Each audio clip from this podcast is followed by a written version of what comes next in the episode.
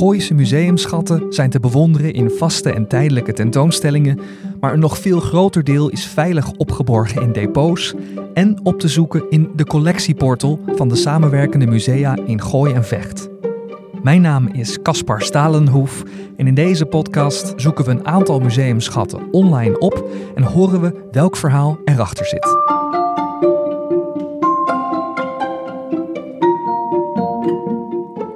Als je in een museum door een zaal met geschilderde portretten loopt, wil je waarschijnlijk eerder weten wie ze heeft geschilderd dan wie er is afgebeeld.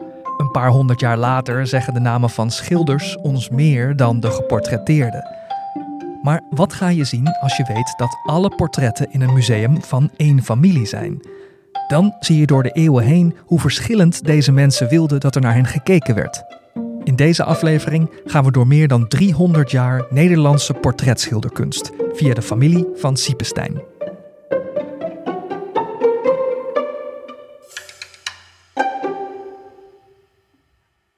Oké, je kunt de online collectieportal op verschillende manieren doorzoeken. Als je naar gooisemuseumschatten.nl gaat, klikt op collecties en dan op bekijk de collecties, dan kun je bijvoorbeeld de collectie van één museum aanklikken. Klik je op Kasteelmuseum Siepestein en zoek je op portret, dan word je aangekeken door meer dan 18 personen. De meeste heten Van Siepestein of zijn met een Van Siepestein getrouwd, of ze komen uit de moederlijke familie van de allerlaatste Van Siepestein die leefde, de jonkheer Henry van Siepestein, die overleed in 1937. En hij heeft zijn levensproject nagelaten: de bouw van een kasteel met een tuin in Loosdrecht, op de plek waar hij dacht dat zijn verre voorouders al in de 13e eeuw een kasteel hadden gebouwd. Wie daar meer over wil horen, kan aflevering 4 terugluisteren van onze vorige podcastserie Gooise Grensverleggers. Toen Kasteelmuseum Siepestein werd geopend in 1924, kon de jonkheer zijn enorme collectie tentoonstellen. Het zijn allemaal voorwerpen die te maken hebben met de geschiedenis van zijn familie, van Nederland en vooral waar die twee samengaan. Want de Van Siepesteins en aanverwanten hadden door de eeuwen heen veel belangrijke politieke en bestuurlijke functies, zowel in de Nederlandse Republiek als daarna in het Koninkrijk. De geschiedenis van Van Siepestein is daardoor op veel momenten dus vervlochten met de geschiedenis van Nederland. En omdat de familie zich zo vaak liet portretteren, kun je ook daar een nationaal historisch overzicht van krijgen. Dat vertelt Rick van Wegen, conservator van Kasteelmuseum Siepestein. Er is dus een hele lijn eh, te trekken hè, die de geschiedenis van de portretschilderkunst in Nederland uh, karakteriseert. En die kan je bij ons, hè, in Kasteel Siepenstein, aan de hand van familieportretten uit één familie helemaal volgen. Ja, ja, want zo compleet heeft uh, Henry van Siepenstein het ook wel weten te krijgen? Of is dat ook na de hand uh, postuum nog er is uh, postuum is er heel weinig bijgekomen. Ja, okay. er is, het, meeste heeft hij, ja. een groot gedeelte heeft hij gewoon geërfd. Hè, was nog in de familie. Ja. Uh, helaas waren, uh, ik zeg altijd van wij hebben alles, de hele Nederlandse portretschilderkunst, ja. behalve Rembrandt en Frans Hals. Mm -hmm. De Frans Halsen waren er wel, maar die zijn uh, net voordat van, Henri van Siepenstein met zijn ambitieuze project begon, zijn die verkocht. Dus er zijn ook van Siepensteins wel door Frans Hals geschilderd. Nou, geen Van Siepenstein. Ah. Ze heten niet Van Siepenstein, ja. maar ze, ze, waren wel... Het was een Haarlemse familie, ah, ja. de, de, de, de, Van Siepensteins. Dus zeg maar uh, uh, in de schoonfamilie uh, waren mensen door... en die waren eeuwenlang wel vererfd in de familie van Siepenstein. Ja. En die zitten nu in het Mauritshuis en in Sao Paulo, of mm, places. Ja, het oudste portret in het kasteel komt uit 1553, dus halverwege de 16e eeuw. Ze waren er dus eigenlijk heel vroeg bij met het maken van portretten. Want voor de 16e eeuw lieten burgers en zelfs edelen nauwelijks portretten maken. De, de, de vroegere portretten, de, de iets vroegere portretten, dat zijn zijluiken van altaarstukken waar mensen zichzelf op lieten afbeelden. Heel devoot, geknield, met de handjes gevouwen ja. hè, als uh, stichter. Hè, maar dat je echt uh, jezelf, je, je kop en je lijf uh, van kijk mij eens. Voor je eigen, eigen dat, glorie. Dat, dat, dat, deden een enkele keer vorsten hè, of uh, hele hoge edelen. Maar burgers deden dat pas vanaf de 16e eeuw. En vanaf de 16e eeuw hebben wij ze ook aan de muur hangen.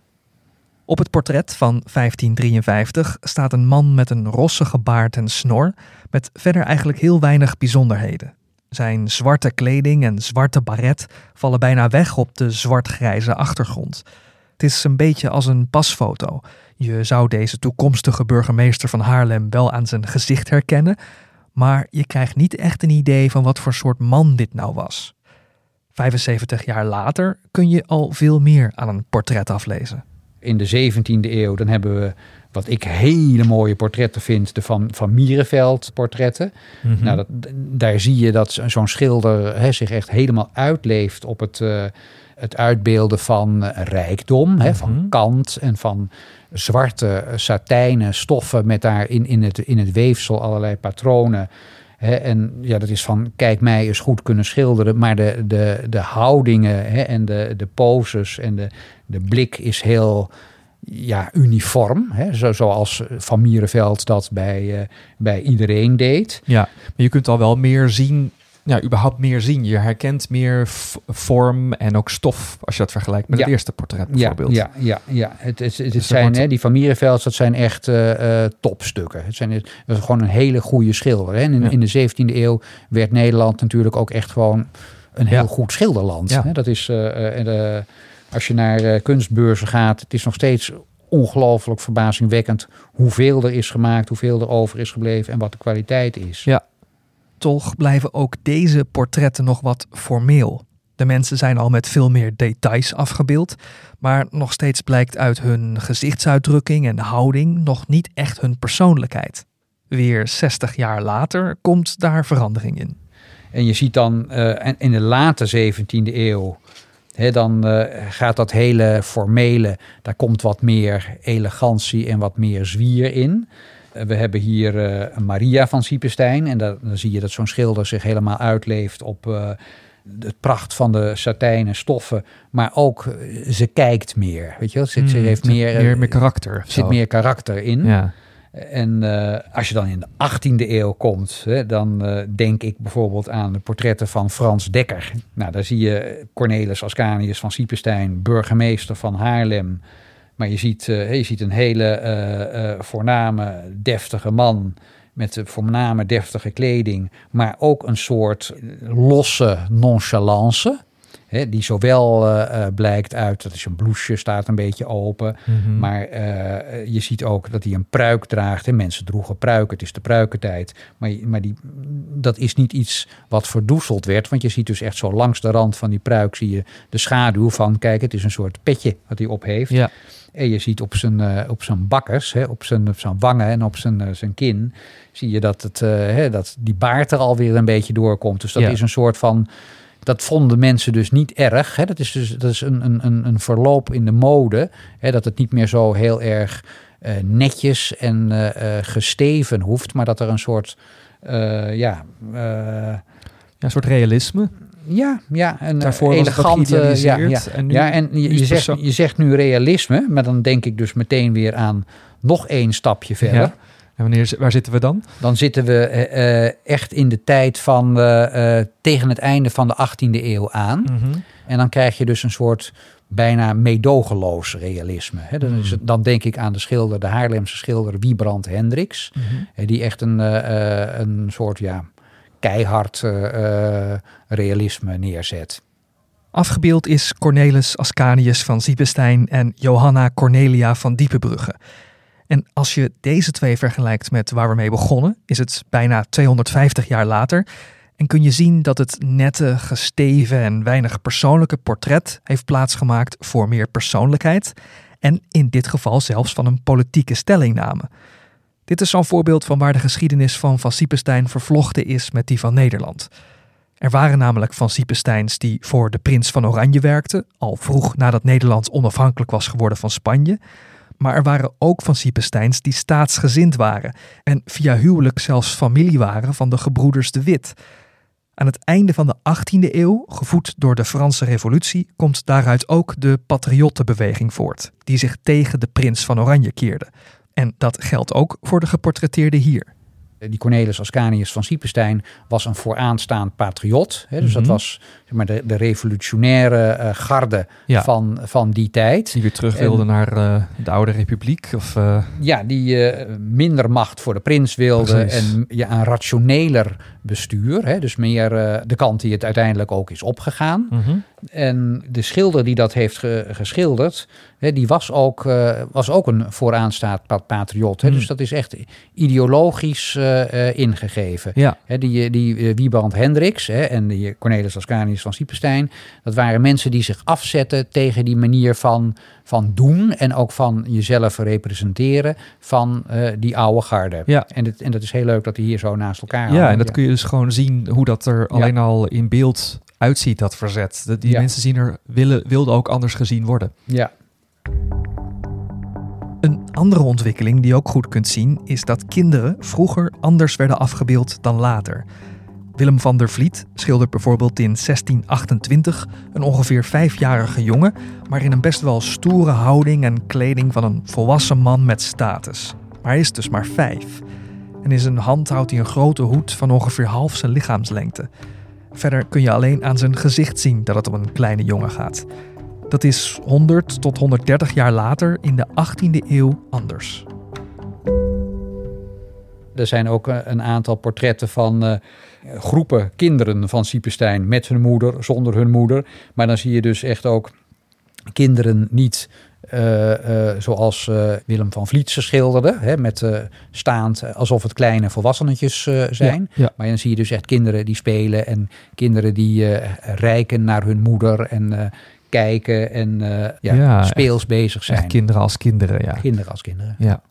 En dan in de volgende eeuw, de 19e, wanneer de laatste van Siepenstein wordt geboren, lijkt de mode eigenlijk weer een beetje terug te gaan. Weer weg van dat speelse. Daar lijkt het althans op als je kijkt naar het portret van Henry van Siepenstein zelf. Wat je hier ziet is een, eh, dit is eh, het enige geschilderde portret dat wij hebben van Henri van Siepenstein. Als klein jongetje, een jaar of vijf. Ja. Geschilderd door Nicolaas de Rode. En eh, ja, je ziet een, een, een klein ventje staan. Maar eigenlijk anders dan die, eh, eh, die 18e eeuwse kinderportretten. Ja, die waren Is- speelser. Hij Die staat hier ja, gewoon ja, weer een ja, beetje... Is dit weer een beetje eh, stijf en, eh, en zoetsappig? Ja. Hè, Ja. het, is, het is niet stoer. Hè. Zo, we hebben, een- we hebben zeg maar een aantal kinderportretten in, in het kasteel. Een 17e eeuwse een soort stoer mini volwassenetje. Ja. En dan heb je eh, eh, eh, in de, in de midden 18e eeuw echt kinderlijke kinderen. Hè? En dan heb je in de 19e eeuw, ja, dan wordt het een beetje zoetsappig. Hè? En het, laatste portret dat we hebben, dat is dan van onze stichter, hè, bouwheer Henri van Siepenstein zelf. En dat is een beetje een, een vroeg ouderlijk mannetje. Wat daar Ja, daar een- lijkt het inderdaad wat een beetje op. staat. Hè? En het is fijn dat we dat eh eh, Henri van Siepenstein hebben. Dat maar wel. Het is, eh, Ja. het is niet het, het, het, het meest... eh, het is waar de ontwikkeling op dat moment eh, stopt. En dan hebben we nog lang niet alle geschilderde portretten besproken die allemaal te zien zijn in het Kasteelmuseum Siepenstein. Daar kun je dus van de 16e tot en met de 19e eeuw geschilderde portretten van één familie bekijken. En via die portretten en vele andere voorwerpen wordt dus niet alleen het verhaal van die familie verteld, maar ook dat van Nederland. Je kunt de besproken portretten terugvinden op de collectieportal. Links staan in de show notes. En natuurlijk in Loosdrecht, in het Kasteelmuseum Siepenstein. Over twee weken verschijnt er een nieuwe aflevering van deze podcast, die je kunt volgen via Spotify, Apple Podcasts of andere podcast-apps. Mijn naam is Caspar Stalenhoef en ik sprak in deze aflevering met Rick van Wegen, conservator van het Kasteelmuseum Siepenstein. Tot de volgende aflevering van Gooise Museumschatten.